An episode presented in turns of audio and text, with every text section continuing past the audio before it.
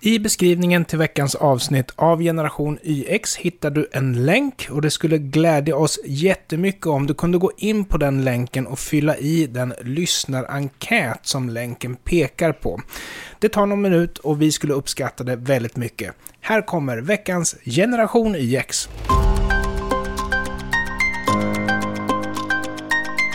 En ny vecka innebär ett nytt avsnitt av Generation YX. Välkommen tillbaks alla som lyssnar och hej Johan. Hej Jannik. Jag var och kollade på Jordan B. Peterson och uh, det var en upplevelse som jag ska berätta mer om efter att jag har sågat Carl Mikael Edenborg som jobbar på Aftonbladets kultursida. Han liksom går in med vad jag vet, eftersom det är Aftonbladets kulturserie, pratar om en bias där han tycker illa om Jordan B. Peterson. Och så liksom bygger han upp en case. Han skriver att eh, det är massor av chinos, en del manbands och åtskilliga fnissiga bromance-par. Det är ett sätt som man också kan beskriva det. Jag ska beskriva det på ett helt annat sätt. Eh, och sen går han in och så börjar han liksom man ser vilken bias han har. Han säger till exempel 12 regler för tankarna till AAs 12-stegsprogram. I likhet med mycket annan självhjälps och framgångslitteratur grundas den i påbud om att bädda sin säng, sträcka på sig och hitta en balans i livet. Det är helt uppenbart, alltså redan här i fjärde stycket så tappar han mig. För att han här har uppenbarligen ingen koll på A Stolstegsprogrammet överhuvudtaget. Sen fortsätter han med att eh, prata om att eh, Peterson på något sätt eh, hymlar med att han har tagit benzo och varit eh, liksom eh, beroende av det här. Och så säger han, hur kan en kliniskt verksam psykolog i vår tid påstå det? Detta har varit känt av psykiatrin i 40 år. Eh, det låter nästan som att eh, Edenborg inte har koll på att det finns en skillnad på klinisk psykologi och psykiatri, vilket är en medicinsk vetenskap, alltså man är en medicinsk doktor med inriktning på psykologi. Ja, så fortsätter han med att prata om att det här på något sätt är, har med män att göra, vilket är jättekonstigt. Och det har ju, alltså så här, Jordan B. Peterson är en man och han befinner sig på en mansdominerad plattform, det vill säga Youtube. Det är klart att flera män kommer att lyssna på honom. Och sen eh, avslutar han med eh, att de här familjevärdena kompletteras med religiös vändning. Alltså, han här snubben har varit och recensera en snubbe som han inte tycker om och så sågar han honom. Jag skulle kunna säga någonting helt annorlunda, men jag tycker bara det är så jävla symptomatiskt att människor som inte förstår, alltså man måste förstå att man inte är så, alltså så här, Edenborg, Carl Mikael Edenborg på Aftonbladets kultursidor är antagligen en person som är mindre intelligent än Jordan B. Peterson det, det, får man bara säga. Skillnaden är väl att han, han jobbar på Aftonbladets kultursida och Jordan B. Peterson är klinisk psykolog och utbildar eh, liksom folk på universitet. Och då måste man komma ihåg och kanske vara lite ödmjuk när man, när man gör det. Alltså så här, min, min takeaway som jag kommer till nu, öppnar med en monolog här den här veckan.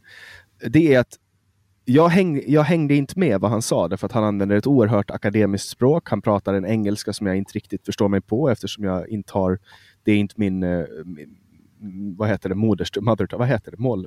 Mo modersmål. Modersmål säger man. Och eh, det går väldigt snabbt att hänga med. Och därför är det väldigt svårt att förstå. Jag tycker att det var en bra upplevelse att se Jordan B. Peterson. Men man ska antagligen få lika mycket ut av att se det på Youtube, därför att då kan man pausa och så kan man gå tillbaka och fundera. Men det är en ganska bra upplevelse. Och i det stora hela så menar jag att Jordan B. Peterson är en väldigt bra förebild för många människor eftersom han för fram saker som väldigt många människor behöver höra. Så här, skyll inte på andra, bete dig bra, ljug inte och så vidare. och så vidare och så vidare. Jag är så jävla trött på att svenskar, eh, svenska vänstern alltid ska liksom såga sönder honom eh, så fort han kommer. Du vet ju den här Annie Lööf och Skavlan-intervjun. Ja, ja, ja. Vad är din take på Jordan Peterson? Alltså det, det som jag, jag tycker han är ju väldigt duktig och en kompetent person som har många bra poänger. Sen, sen eh, håller jag med dig att den här, eh, när folk inte gillar det de hör så ska de eh, missförstå medvetet, de vill liksom inte ta in någonting. Och det vart ju helt uppenbart i den här Skavlan-intervjun med Annie Lööf och Jordan B. Peterson. Där han fullkomligt eh, liksom, krossade henne om man tar då ur ett debattperspektiv. Men jag tycker det är så tråkigt med den här att alla då ska aktivt missförstå för att man, det, gillar, det, det, det är inte sin egna världsbild och då ska man aktivt missförstå och fördumma och förlöjliga den andra parten bara för att man inte håller med. Och det tycker jag är ett ganska trist sätt att, att argumentera eller förhålla sig till. Och, eh, jag läste den här artikeln som du hänvisar till och det är väl samma sak där den här kulturnissen från Aftonbladet håller, gillar ju inte Jordan B. Peterson. Och då ska han liksom förlöjla honom och, och tramsa sönder honom, men det stämmer ju inte. Nej, och det där är så här, jag tycker bara, det är så konstigt för han använder också någon anekdot. Han har varit och kollat på någon, någon kulturshow som har uh, gjort narr av Jordan B. Peterson och där skriver han liksom att ja, att det var så roligt och det var så eh, hit och dit, men Jordan B. Peterson är inte där för att vara rolig. Han är där för Nej. att föreläsa.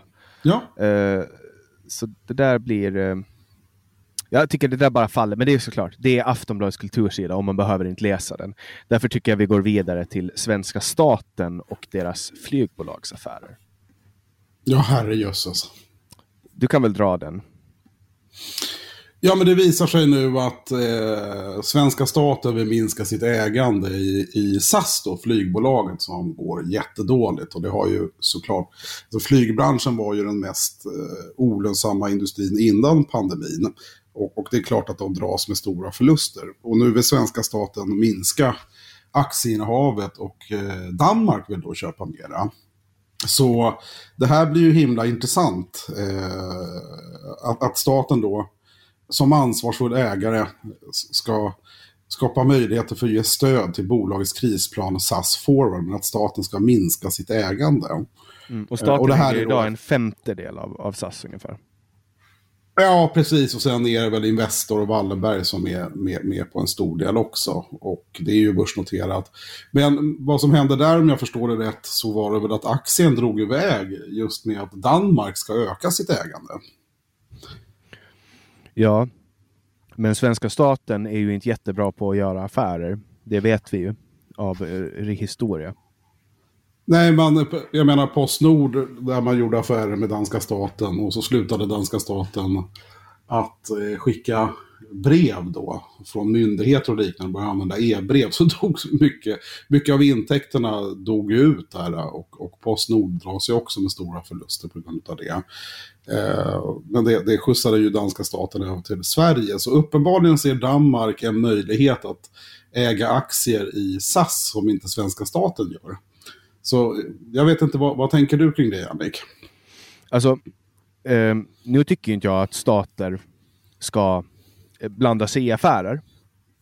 Eh, det är min liksom, ideologiska ståndpunkt. Men i det här fallet när vi har ett sånt här system där SAS har varit med och när staten har varit med och garantera att SAS ska kunna fortsätta. Alltså man har, man har liksom petat in de senaste 22 åren över 8 miljarder kronor mm. uh, för att bolaget ska kunna fortsätta finnas och det behövs flygbolag eh, som konkurrerar för att kunna ta fram mer energieffektiv eh, eh, teknik. Det, alltså, och vi behöver kunna flyga. Det är ett väldigt eh, smidigt sätt. Ja, men det, blir, det, det är ju en infrastrukturfråga och det är därför många flygbolag är statliga. Exempelvis en av de mest lönsamma är ju Singapore Airlines som är helt privat.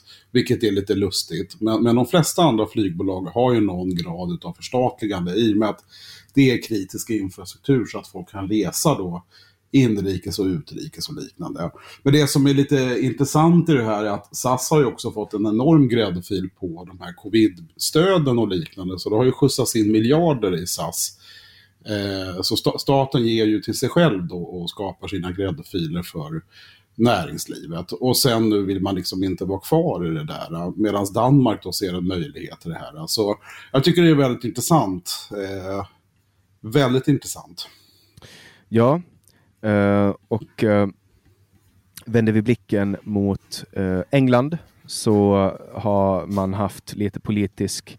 Alltså problemet med just nu i England, eller det politiska problemet, det är att, att Boris Johnson hade en fest under tiden som hans egen regering förklarade, gick ut och gav påbud om att man inte fick festa.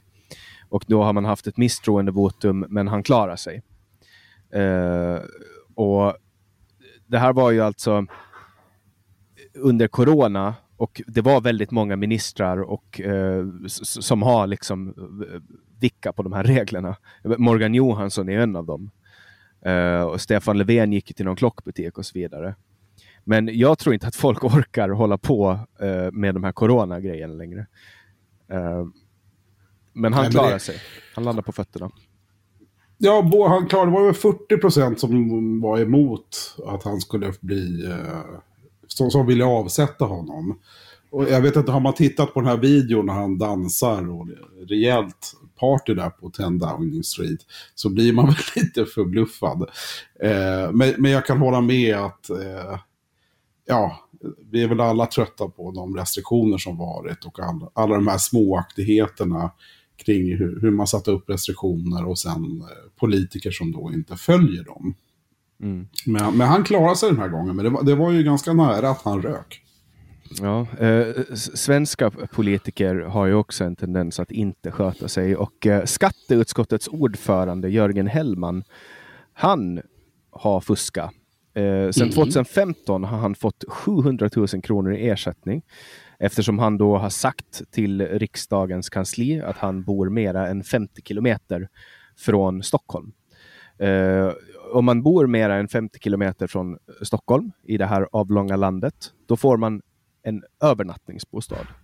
Och övernattningsbostäder i Stockholm är som välkänt ganska dyra. Det kan kosta 15-20 000 kronor i månaden. Eh, och många har ännu dyrare än så. Han här har då eh, fuskat och avgår nu då. Uh, och han har ju då sagt att han är skriven i någon stuga som inte har avlopp. Och då har han sagt att han har gått till grannen och skitit istället och att han aldrig har diskat. och så åker SVT dit och liksom tar bilder och filmar och ser ju att här bor ju ingen och grannarna vet inte ens vem han är. Mm. Och det här är inte första gången. Nej, det här har ju hänt tidigare. Var, var det inte Bengts Bose eller liknande, någon, någon, moderat. Det var väl också i inslaget den här Helena Boväng som då några veckor innan eh, är ansvarig då i, i skatteutskottet för folkbokföringen, att det ska vara tuffare tag var folk bor. Medan hon själv har då också ersättningslägenhet och har då alltifrån lägenhet och hus i Värmdö, men väljer att skriva någon annanstans då för för att få ersättningslägenhet men också bli invald i riksdagen för, för att komma in på listorna och liknande. Ja, alltså hon står då i, och det här har alltså hänt på riktigt. Mm. Alltså att hon står i dagarna och, och pratar om kriminella som utnyttjar felaktig folkbokföring för att plocka ut bidrag när hon själv gör exakt det. Uh, och det är lite roligt. Alltså hon står i plenum då i 27 april och, och prata om de här grejerna. Eh, och eh, har själv... Och gör, gör då samma sak och fuskar och, och eh, fular sig. Men jag tyckte det var intressant att ordförande i skatteutskottet, han, han avgick i alla fall. Och, och, tog sitt ansvar den vägen i alla fall. Ja, det, det gjorde han. Och, eh, jag ser här också att du och jag har lagt in det här i vårt körschema. Tre gånger har vi lagt in samma artikel. Men det var ju väldigt talande med, med de, här bön, de här stackars björkbönderna som, som har någon toalett där han säger sig gå och duscha och, och, och gå på toaletten. Ja, det är, väldigt, det är väldigt roligt. Det, det är väldigt roligt reportage. Men det säger ja. väl mycket om dagens politiker att, att de liksom inte sköter sig. Mm. Ja, det, ja, exakt. Och det är flera S-politiker som nu eh, den här gångna veckan har fått lämna uppdrag. Eh, en riksdagsledamot eh, som sitter för Socialdemokratiska arbetarpartiet, Dag Larsson. Han lämnar också alla uppdrag på mm. omedelbar verkan och det är mm. för att han utreds, eller han förekommer i en polisutredning eh, gällande en bordell på Östermalm. Mm. Han, han svarar till Expressen att han, nej Aftonbladet, eh, säger han att han har inget minne av detta. eh, så det är väl lite som kungen ungefär då. Eh, så har kungen gått på porrklubb. Uh, nej. nej. Så att eh, han har ingen minne av det. Eh, men han, han, han säger då att han inte har gjort någonting olagligt och att det inte finns några brottsmisstankar riktade mot honom. Men, men ändå avgår han. Ja, och det är för att han har figurerat i en förundersökning. Då. Och, och likadant är det väl med Sveriges kommuner och regioners ordförande Anders Knape.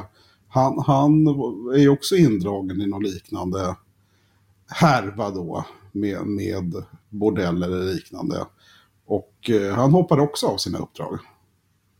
Mm. Så frågan är, nu vet man ju inte om, om, om du har köpt sexuella tjänster eller inte, men bara misstankar räcker för att, eh, för att man ska avgå då, om, om man tolkar det här rätt. Ja, alltså de är väl ganska duktiga på att eh, liksom veta vad de ska göra. Han här, Dag Larsson, eh, har väl antagligen klättrat ganska länge. För han står tre på riksdagslistan. Uh, ovanför honom står Annika Strandhäll och Anders Ygeman. Så han har antagligen varit ministermaterial. Men det som är då är någon form av chattmeddelanden där uh, då den här påstådda kvinnan skriver You must call to reserve a time for me to return to the boss. Och då skriver Dag Larsson Okay, I call and reserve a time with. Och sen nästa skriver hon då Yes darling, you call to reserve now. Darling, what time are you coming to see me? Så eh, det här, och, och då menar han då, Dag Larsson, att, eh, att det här är något dataintrång och att någon har nyttjat hans konto till att kontakt med en person. Så, eh, vi får se om han kommer undan eller om han inte kommer undan. I Sverige är det olagligt att köpa sex men lagligt att sälja sex. En lag som är oerhört underlig och helt ounderbyggd rent vetenskapligt. Men eh, folkets vilja. folkets vilja. Eh, vi kan ju inte undvika att prata om det oerhörda antiklimax. Amineh Kakabaveh la ner sin röst och då får justitie Morgan Johansson justitie Morgan, justitieminister Morgan Johansson, justitie Morgan. Så hon har lagt ner den Uh, och uh, det vet alla redan, så vi ska inte gå för djupt in på det. Men, men det kommer uppgifter från, vilket är ganska roligt, att Socialdemokraterna har tagit kontakt med olika kända kurder uh, för att ringa Amineh Kakabaveh. Så mm. viktiga kurder har fått ringa till Kakabaveh och säga att hon måste göra det här. Så de har liksom dragit i alla sina trådar för att få henne att gå med på det här.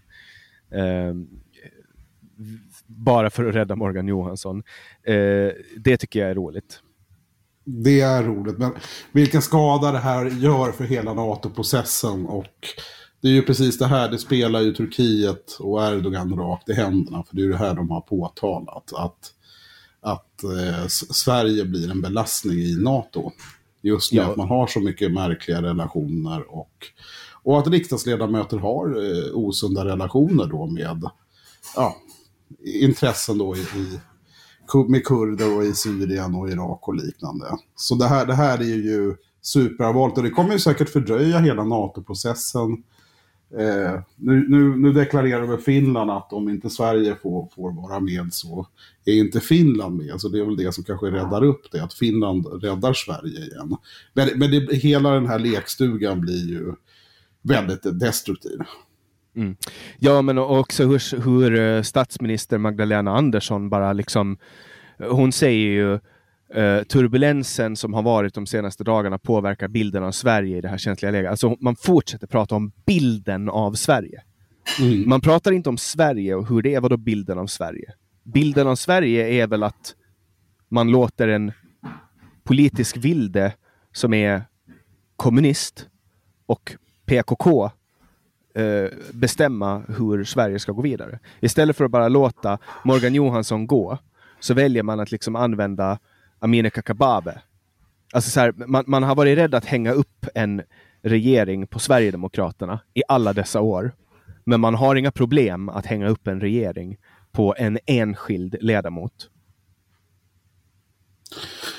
Ja, visst är det så. Hon, hon höjde ju temperaturen och sa att hela regeringen ska avgå om, om det här går igenom, etc. etc, etc. Och, och, och hela tiden har man det här eh, kartan och verkligheten, det vill säga det handlar hela tiden om bilden och vad folk har för uppfattning då internationellt eller nationellt om hur Sverige är, den så kallade Sverigebilden. Men, men verkligheten överträffar ju fantasin hela tiden och jag tror att många inom institutionerna och politiken har ju problem att upprätthålla den här Sverigebilden över hur, hur bra det här är och, och, välfärdsmodellen och hur alla springer runt och bara är, är glada och staten är så himla bra. Eh, så det här håller ju på att krackelerar, vågar jag påstå. Ja, jag tycker det är jättetråkigt eh, att, att det blir på det här sättet. Eh, och Sverige är ett land som är Eh, alltså oerhört, oerhört konstigt eh, på många olika sätt. Eh, och låt mig ta ett eh, exempel. Jag ska bara ta fram den här eh, bilden. Alltså Expressen eh, skriver i en artikel då om och, så här lyder rubriken. Åklagaren efter attacken mot Paludan citat, kan ha förståelse, slutcitat. Så har de skrivit en artikel då som går ut på att en 62-årig man har åtalats då efter att han har eh, kastat saker mot Rasmus Paludan utanför en moské i Uppsala. Eh, och att eh, den här mannen då eh, har slagit på en po polisbuss då, han har liksom eh, gjort skada på den. Eh, och då i första versionen då som Gusten Holm på Expressen publicerar så, så har de med ett citat från den här mannen då, antar jag. Eh, från då någon form av tingsrättsförhandlingar. Då står det så här. Eh, och det här är från Expressen. Han medger att det är han som syns för polisbussen, men inte att han har försökt hindra den från att köra framåt eller att han slår på den. Och sen kommer ett citat. Det stämmer inte. Patrullens ledare, han var fascist. Han var inte schysst person. Kanske en jude. Det vet man inte det här är ganska uppseendeväckande. Nej, men det nu har de lagt tillbaka det. Här, okej. Okay. Nu har de Uh, nu har de lagt tillbaka det. De har redigerat i den här artikeln. För ett tag så var det borta. Så min mm. take på det här var att, um, uh, att uh, de har dolt öppen antisemitism. Men nu har de tydligen lagt tillbaka det här. Jag var faktiskt till och med på väg att skriva till Expressen och fråga varför de döljer öppen antisemitism. men men den här taken finns inte kvar längre. Men det, det, är också det som jag, jag reagerar på den här artikeln ur ett annat perspektiv, Jannik. Och det är ju att, att eh, åklagaren här har, har förståelse för att, att ja, här är det någon som blir upprörd och börjar kasta sten och, och liksom slå på bilar och för att den är upprörd. Och då, då kan man helt plötsligt ha förståelse för det. Ja, han, åklagaren säger så här till Expressen, eh, nej till SVT Nyheter, så säger han Det här är en person som i tillfället besöker moskén. Jag ser en väldigt provocerad och förtvivlad man som inte klarar av att kontrollera sina egna handlingar. Man kan ha förståelse för en individs agerande, även om man anser att agerandet är brottsligt. Ja, tänk om det här ska handla om en kvinna som har blivit slagen. Då? Tror du att ja, men... man skulle kunna applicera det här citatet då? Ja, men var, när, när polis och åklagare börjar lägga in de här olika värderingarna och subjektiviteten så tappar de ju så mycket menar jag. Att eh, helt plötsligt ska sammanhanget ha jättestor betydelse och man kan ju ha förståelse att, ja men inte vet jag, eh, kvinnan hade kort kjol på sig och hon, hon var ju berusad och, och, det var ju två män där som var så intresserade av henne och då är det ju liksom förståeligt. Jag, jag, jag kan tycka att det blir väldigt, väldigt fel när man... Ja, så, åklagarens för... jobb är ju att inte vara på den åtalades sida.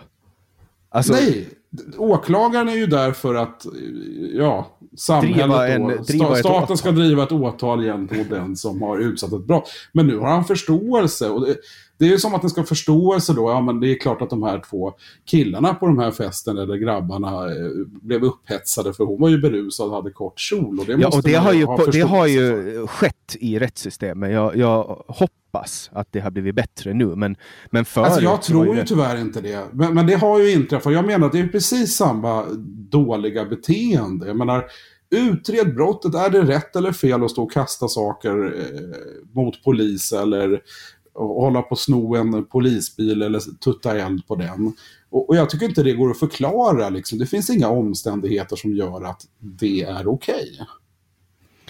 Nej, det, det, kan vara så att den här åklagaren har blivit fel, alltså att de har liksom lyft upp det här. Men, men min take var i alla fall att, att Expressen dolde den här antisemitismen. För det är ju uppenbart att den här personen är, har antisemitiska drag. När han säger, ja, de, frågar, de frågar eh, om han har hindrat polisbussen, så svarar han då Uh, nej, det stämmer inte. Patrullens ledare, han var fascist. Han var inte schysst person. Kanske en jude, det vet man inte. Och då är det så här, okej, okay, om han är fascist eller jude, då får man slå. Det är väl okej, okay, ja, ja. Det, och det är ju väldigt antisemitiskt. Men de, de har korrigerat det, Expressen. Jag kan inte se att de har korrigerat det, uh, men det är gjort i alla fall och vackert så. Uh, no, någon då som inte korrigerar sig själva, det är SVT de släpper en och det här är helt surrealistiskt alltså. Det är helt surrealistiskt att public service rapporterar ny forskning, public service-nyheter är opartiska.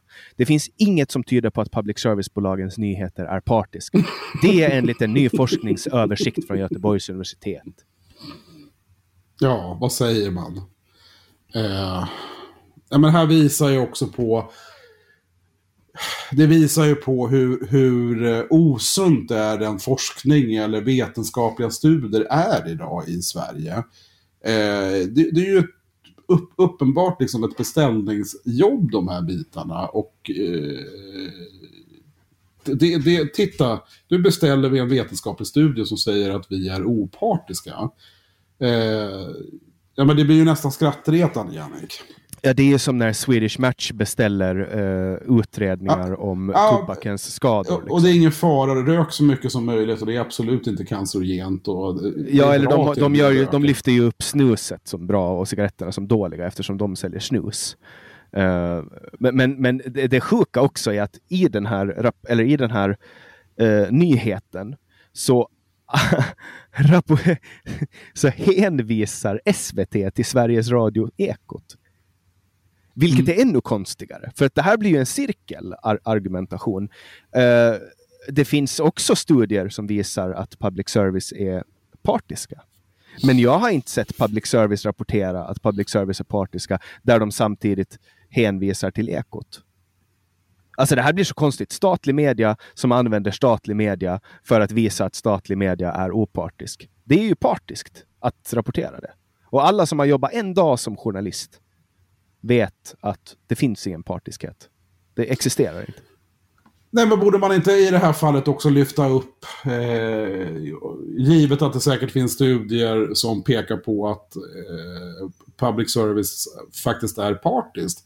Finns det några andra studier som kommer fram till någonting annat? Eller är det just bara den här studien, studien då i, i eh, i Göteborgs universitet, eh, är det bara den som, som existerar eller finns det andra studier? Och jag, eh, jag vågar ju påstå att det finns det. Eh, då bör man ju också lyfta fram två olika studier, men här lyfter man ju fram bara den då som förklarar hur femstjärniga svensk public service är. Och, och, dessutom då trycker man in då att den nationella SOM-undersökningen då så tycker 70% av svenska befolkningen att de har ganska eller mycket stort förtroende för innehållet hos Sveriges Radio och Sveriges Television. Mm. Eh, men att förtroendet då är lägst bland personer som identifierar sig som ideologiskt klart till höger. Och där har skillnaderna ökat. Mm. Ja, och jag menar, det, det, är så många saker i Sverige som inte funkar nu. Alltså så här, Arlanda till exempel. Mm. Alltså, människor kan inte resa från Arlanda. Man har fått liksom, och det här, alltså så här, det går inte att få pass i Sverige. Du kan inte få ett pass i Sverige. Nej. Och, och nationellt ID-kort, eh, det är också så här helt orimlig uh, väntetid. Eh, och man har liksom inte kunnat på något sätt förutse det här, fast man borde ha gjort det. Det har varit corona, man har inte fått resa. Folk vill eh, uppdatera sina pass, folk vill ut och resa. Och, och Arlanda också. Eh, Arlanda Express stannade inte ens i terminal 5 häromdagen för att det var för mycket folk på terminalen. Och man fick stänga byggnaden för att det blev för mycket människor där inne. Mm. Ja, det, är ju, det är ju superallvarligt att eh jag menar, folk åker mitt på natten för att kunna komma med flyget och liknande. Och, eh, jag förstår att det finns problematik i, i, andra flygplatser runt om i Europa, men det i Sverige verkar ju vara någonting i hästväg. Och, och jag förstår faktiskt inte, Jannik. Jag menar, man måste ju veta ganska god tid vilka flygavgångar och hur mycket passagerare det är. Det, det har ju, det, det, vet man ju om i bokningssystemet. Så att, att kunna planera för personal och liknande beroende på arbetsbelastning och mängden passagerare måste ju vara någonting av det enklare Swedavia har att göra, som sköter flygplatserna. Eh, så det här är ju liksom ett generalfel, men det är väl samma sak med pass. Eh, så svårt är ju inte det här. Och man har ju varnat för de här bitarna, givetvis då i samband med covid, att eh, folk inte har hämtat ut pass och liknande. Det har man ju vetat om, men ändå har man ju inte lyckats bemanna upp det inom svenska polisen eller hantera den krisen. Och så står vi här nu när, när allting bara havererar. Mm. Ja, och Swedavia är ju alltså ett, det är ett statligt bolag. Mm. Och de ska eh, driva bland annat Arlanda. Men de kan inte driva Arlanda nu. Ja, men de har väl, om jag förstår det rätt så har ju de dragit ner bemanningen i samband med covid. Eh, och sen har det här dragit iväg och det är, jag menar, restriktionerna börjar lättas upp här i början på året. Och, eh, och ändå har man då inte lyckats ordna personal. Och man har personalproblem då att man inte lyckas rekrytera och det är väl problem då med säkerhets ja, att säkerhetsklassa eh, de som ska jobba där. Så det, men, men, allt det här har ju folk varnat för, man har sett det här komma och ändå har man liksom inte lyckats vidta rätt åtgärder. Och så får ju vanliga liksom, medborgare eh, att de inte kan resa, kanske inte kan hälsa på släkt eller vänner och åka iväg och jobba eller studera vad man ska göra för man får, kan varken få ett pass utställt för att det är så långa köer och massa trassel där.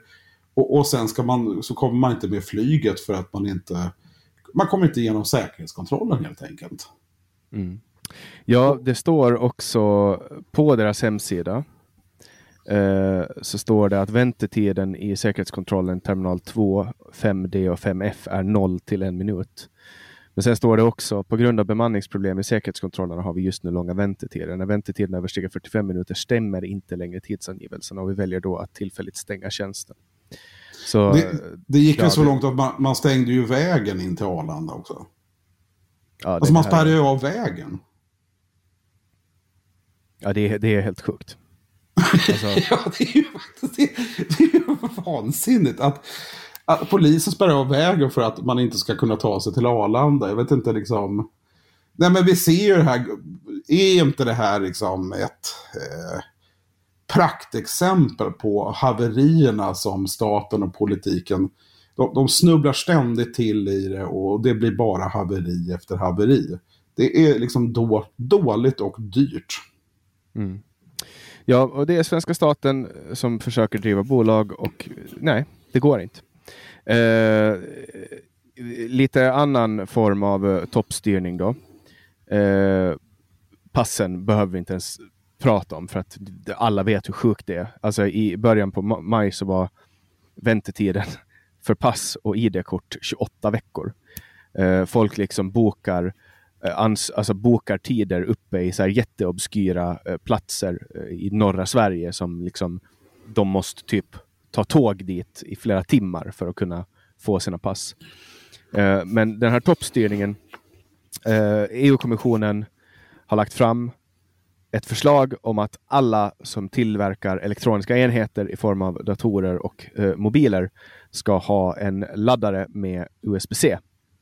Det som Mac-datorerna har gått till och de flesta Android-mobiler har. Det här slår egentligen bara mot Apple för att Apple har sin egen kontakt Lighting. Vad tycker du om att man går in och eh, detaljstyr företag på det här sättet? Jag, tror, jag tror eh Ja, jag, jag är kluven. Jag tror ju standardisering på ett sätt är...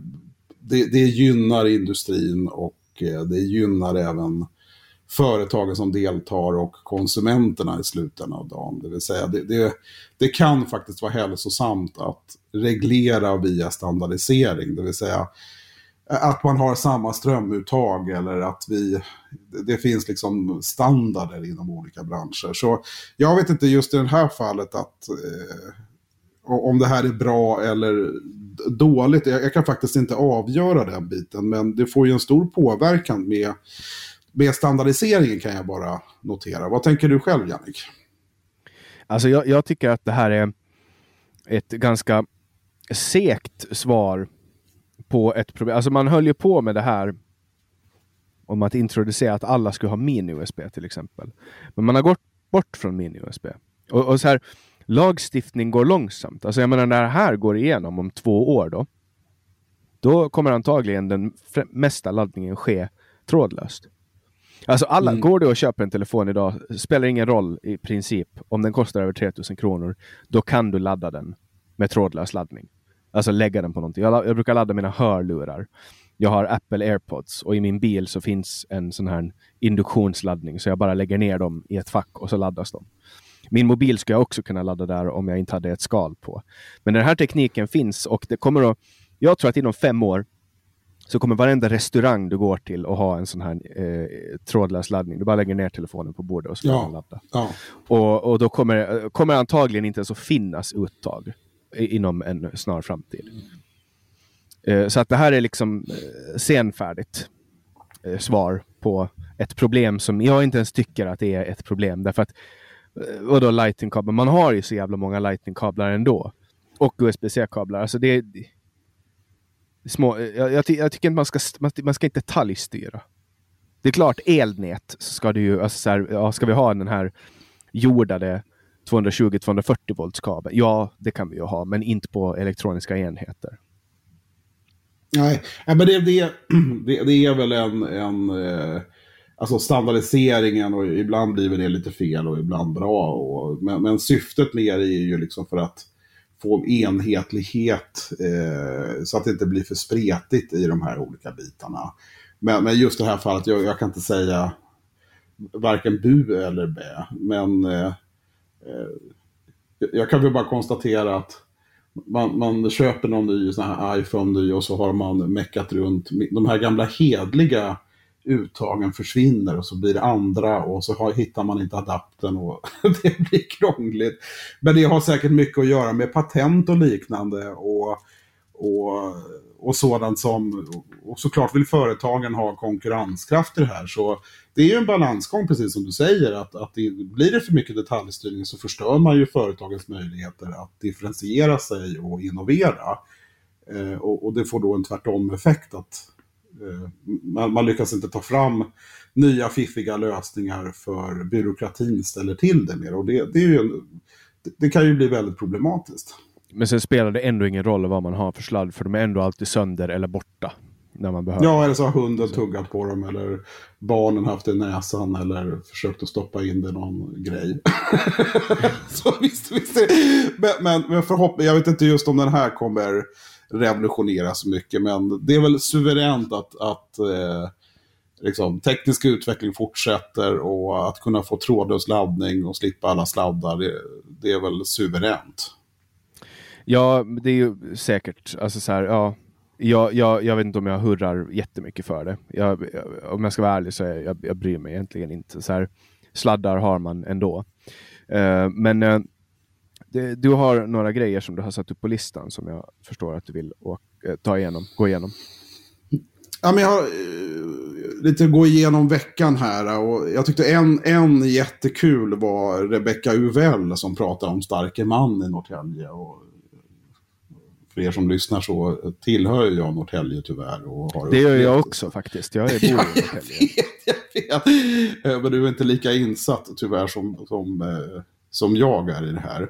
Men där det är då, ja, man, man eh, gynnar lokaltidningen och ger fördelaktiga villkor då mot att man skriver snälla reportage och hur fantastiska alla de här lokalpolitikerna och kommunen och tjänstemännen då är. Och det blir ju väldigt osunt när det inte är upphandlat och eh, när det gynnar en enskild lokalpress som ska granska makten, vilket de då inte gör. Och sen är det då med detaljplaner och byggkontrakt och upphandling och hur man gynnar olika enskilda och åker iväg på bastuklubbar och olika resor runt om i Europa i små nätverk. Och har säkert jättetrevligt och kul men det blir ju jäkligt det blir jäkligt olustigt det där för det blir ju väldigt osunt hela den de relationerna som skapas. Och det är lite kul att det är Rebecca Uvell som skriver här som är en känd eh, ja, opinionsbildare då för borgerligheten och högern. Men som väljer då att granska eh, starke man i Norrtälje och eh, som är ordförande i valberedningen för Moderaterna. Eh, och här finns det ju uppenbara problem när Moderaterna, eller som jag kallar dem Socialmoderaterna, för det är ungefär samma sak, eh, får massa korruption i egna leden som de inte lyckats tvätta ur. Precis som den här Helena Bouveng som pratar om hur viktigt det är med folkbokföring och hårdare tag och sen fifflar man själv. Så det, den, den tycker jag är väldigt intressant och rolig, rekommenderar jag att läsa på uvl.se. Lite Den annat som... Vad sa du? Ja, Den är låst. enligt uppgift så ska den komma och, och öppnas upp fritt då nästa vecka. Okej. Enligt uppgift. Eh, Men den rekommenderar att läsa hur, hur det ser ut i Sveriges kommuner och regioner och de här osunda relationerna som jag tror väldigt många, ja, kan, kanske inte fått uppleva fullt ut, men som, som känner till att det, det är kompisband och man är tjenis penis och det är det som ligger till grund då för vilka som får driva företag och, och på vilka villkor eller bygglov och liknande. Och det, det, det, jag tycker det är sunt att, att hon väljer att granska de egna leden. Och det, alltså oavsett om man är opinionsbildare för höger eller vänster så måste man ha lite självkritik mot egna leden ibland. Och det, det tror jag är sunt. Ja, alltså korruption är fullt var, vilka håll det än kommer ifrån. Korruption och nepotism. Det, jag, jag, brukar, jag brukar resonera som så att om inte korruption eller nepotism gynnar mig, då, då tycker jag inte om det. Och, och i det här fallet så gynnas jag inte av det, därför fördömer jag det. ja, nej men, nej men det blir osunt och jag, jag vet ju exempelvis Transparency International och Inga-Britt Ahlenius med Riksrevisionen och liknande har ju tittat mycket på de här bitarna och det är ju egentligen att man inte har oberoende revision i kommunerna. Så kommunerna i Sverige har, har väldigt mycket, tyvärr då, eh, korruption i, i, i egna leden. Så det, det var någonting som, som jag tyckte var bra att man lyfte upp och att man vågar lyfta det i de egna leden tycker jag är bra.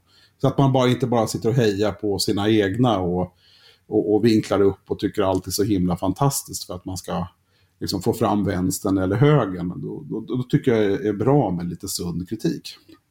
Mm. Maten fortsätter eh, rusa i pris. Ja, det är ju inte lite granna Jannik. Så det, det, det, kom ju in nu, eh, om det var matpriskollen, 1,4 procent eh, tror jag det var, gick priserna upp då bara för maj månad i år. Och vi ser alltså tvåsiffriga ökningar på enskilda produktgrupper. Främst är det då kött, ost och mejeriprodukter som går upp emot 40 procent.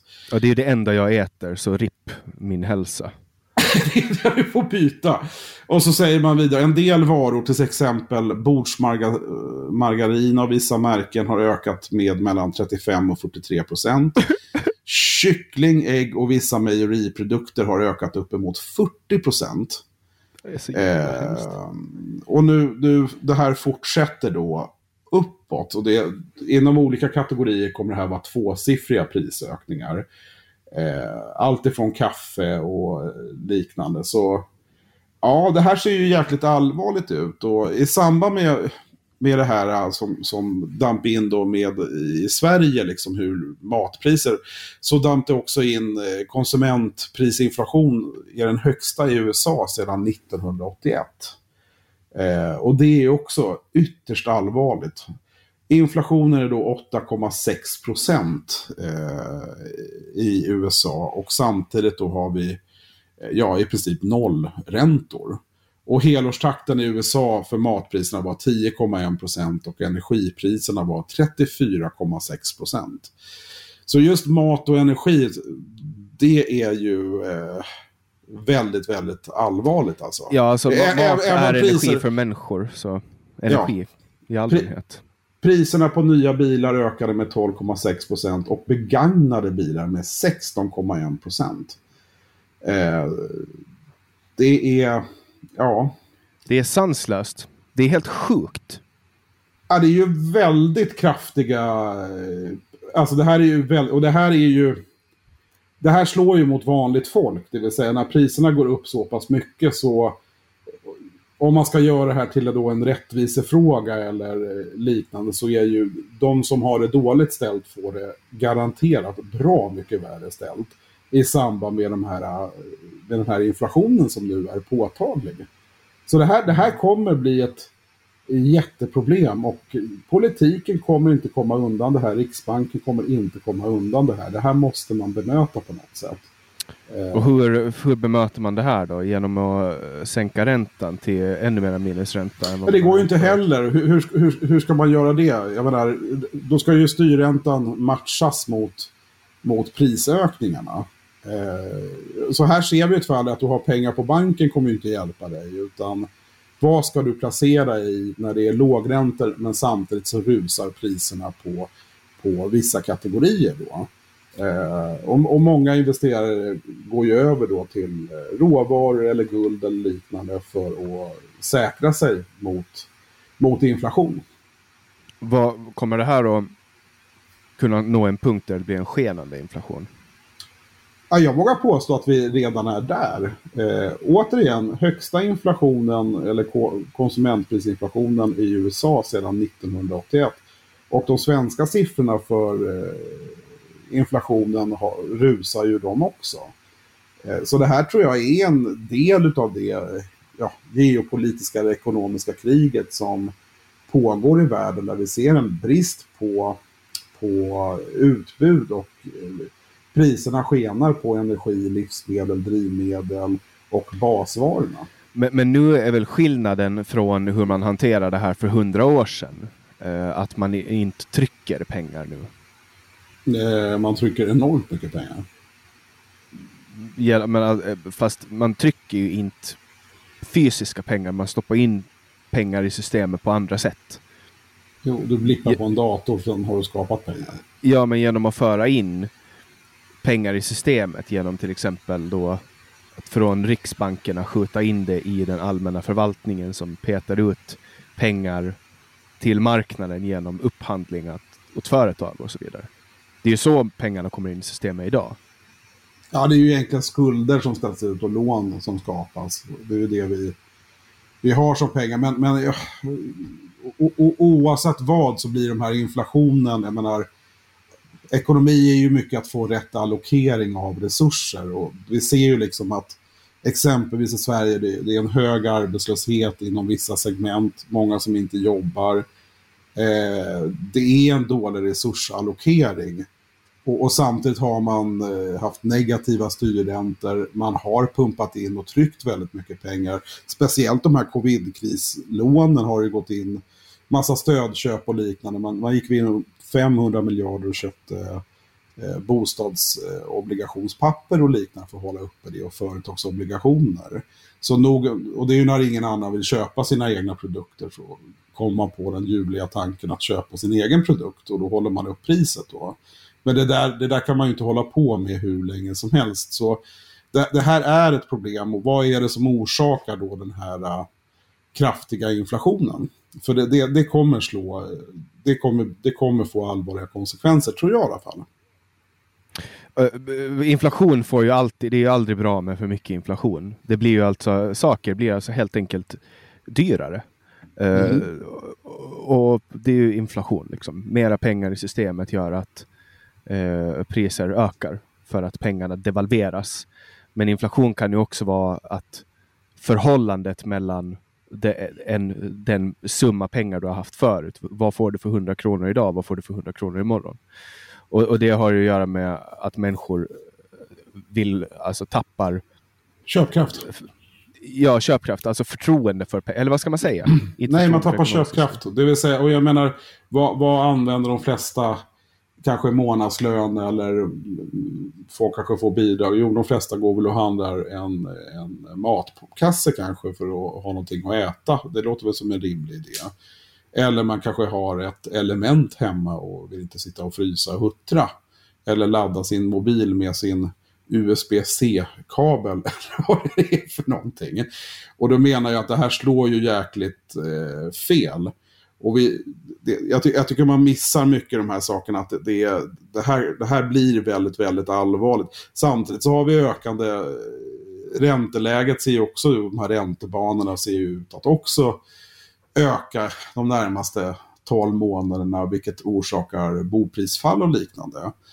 Eh, och det, det som jag tycker man missar lite i, i de här diskussionerna, det är ju väldigt mycket prat från politiken om pensionärerna och hur illa de har. Och det är ju väldigt många väljare i den gruppen. Men jag tycker man missar eh, alla unga.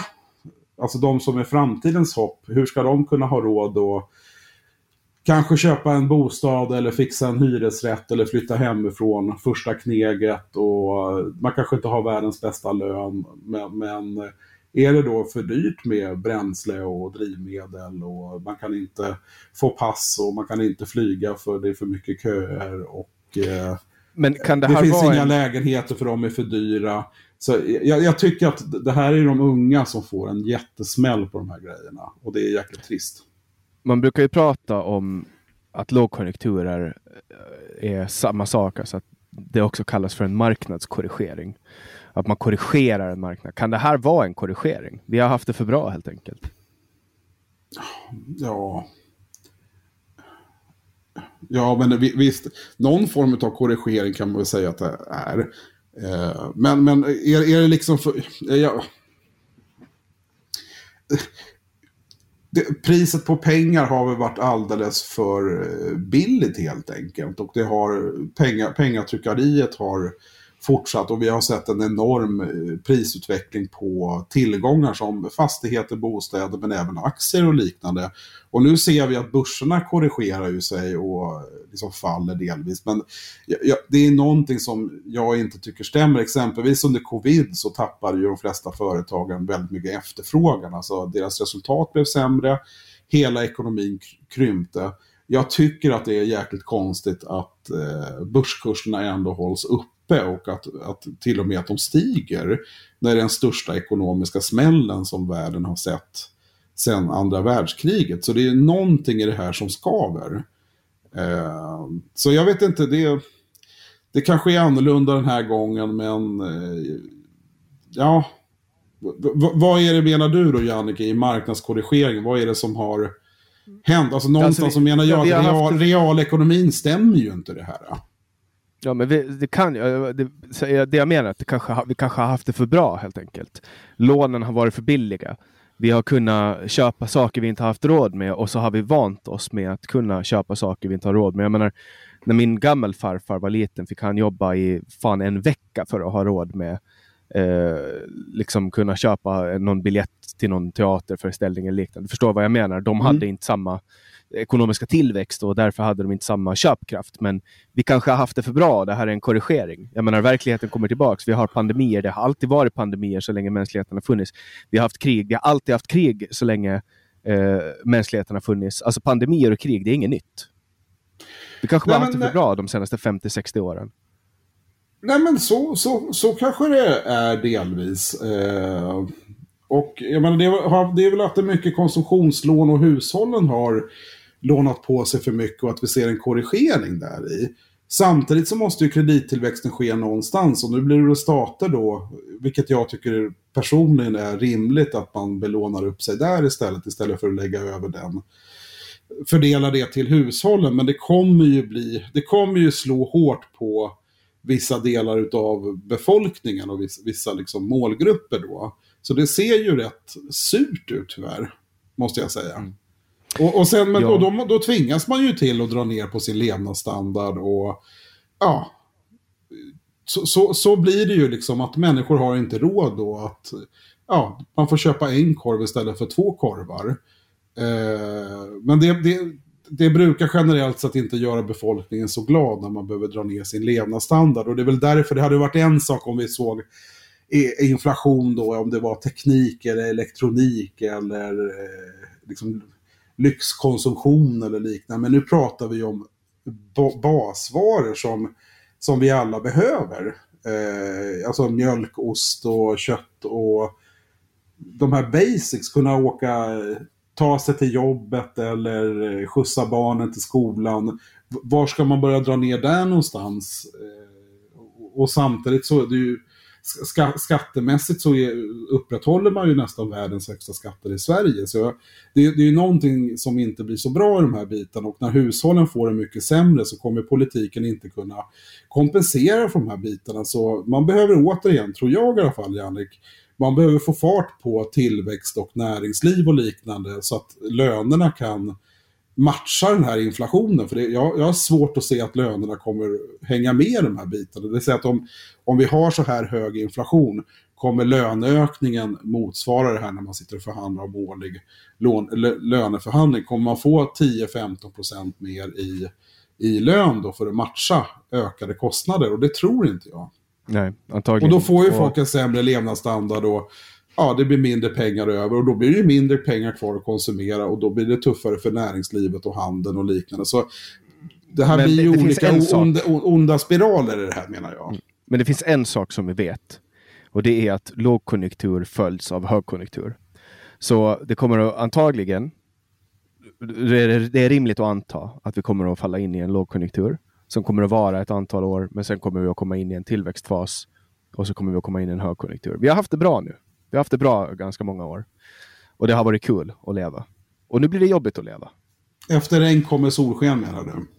Ja, så ja, kan man säga. Det, det, det, ligger väl något i det. Och samtidigt så tycker jag det är annorlunda, för det här är mera stagflation, det vill säga att man ser vissa priser på vissa tillgångar och kategorier rusar medan andra står stilla. Och det matchar inte löneutveckling, vilket har varit då den svenska modellen att matcha de här två olika med, med löner och eh, ja, inkomster och inflation. Så jag, jag, tror tyvärr att det här ser lite annorlunda ut än tidigare. Det, det, det är väl det jag säger, heads up. Ja, ja och, och där är ju, alltså världen förändras och, och en, en, en ekonomisk eh, svår tid förändras med världen också. Jag menar, det är ju inte som på, på 20-talet när man tryckte pengar för, alltså, för att liksom stoppa det här och helt plötsligt fick man betala 500 eh, fantasiliarder för en, en limpa bröd. Uh, så, men det, det viktigaste till sist. Men, men sam, sam, samtidigt kan man ju säga, Jannik, eh, givet, då, givet den utveckling vi ser på marknaden eller ekonomin och inflation och liknande. Vad man också kan läsa in i det här, givet att folk får en lägre levnadsstandard och får mindre kvar, kvar i plånboken och kämpar då för att få sin månad att gå runt, då, då kan man ju också säga att det innebär mer kriminalitet. För det får man på kuppen. Det kommer bli mer utanförskap och liknande, det får du också på kuppen. Och det kommer nog också bli mer vänster och högerextremism, det vill säga det blir mer missnöjda människor. Det var ju det som ledde fram, alltså på 20-talet, 30-talet i, i Tyskland var ju det som ledde fram till till att man fick en, en, ja, ett annat ledarskap. Ja, och de, och de två första sakerna som du nämnde, alltså ökad kriminalitet och ökat utanförskap, det får man också om man röstar på Socialdemokraterna. Så varsågod om ni vill rösta på Socialdemokraterna. Vi ska ta det viktigaste till sist. Åland och Ålands självstyrelse har firat 100 år. Grattis! Eh, tack! Och det är allt vi ska säga om Åland. Resten får ni uppleva när ni kommer till Åland i sommar. Alla som lyssnar, ni är hjärtligt välkomna till Åland. Och eh, jag märker att våra prat gör att, alltså sen Johan kom in i Generation YX har blivit längre. Så att nu får ni helt enkelt adaptera er till den nya verkligheten, att Generation YX tenderar att vara närmare en timme än en halvtimme. Och jag hoppas att ni är nöjda med det, ni som lyssnar. Och ni får jättegärna sprida den här podden i era sociala medier. Och ett litet tips där om ni vill sprida den med högst eh, slagkraftighet, det är att skriva om den och sen länka i kommentarerna. För att Facebook stoppar länkar, straffar länkar som är i inlägg. Så det kan ni göra. Och eh, jag hoppas att ni vill dela den och att ni delar den. Därför att jag tycker att det jag och Johan säger är viktigt.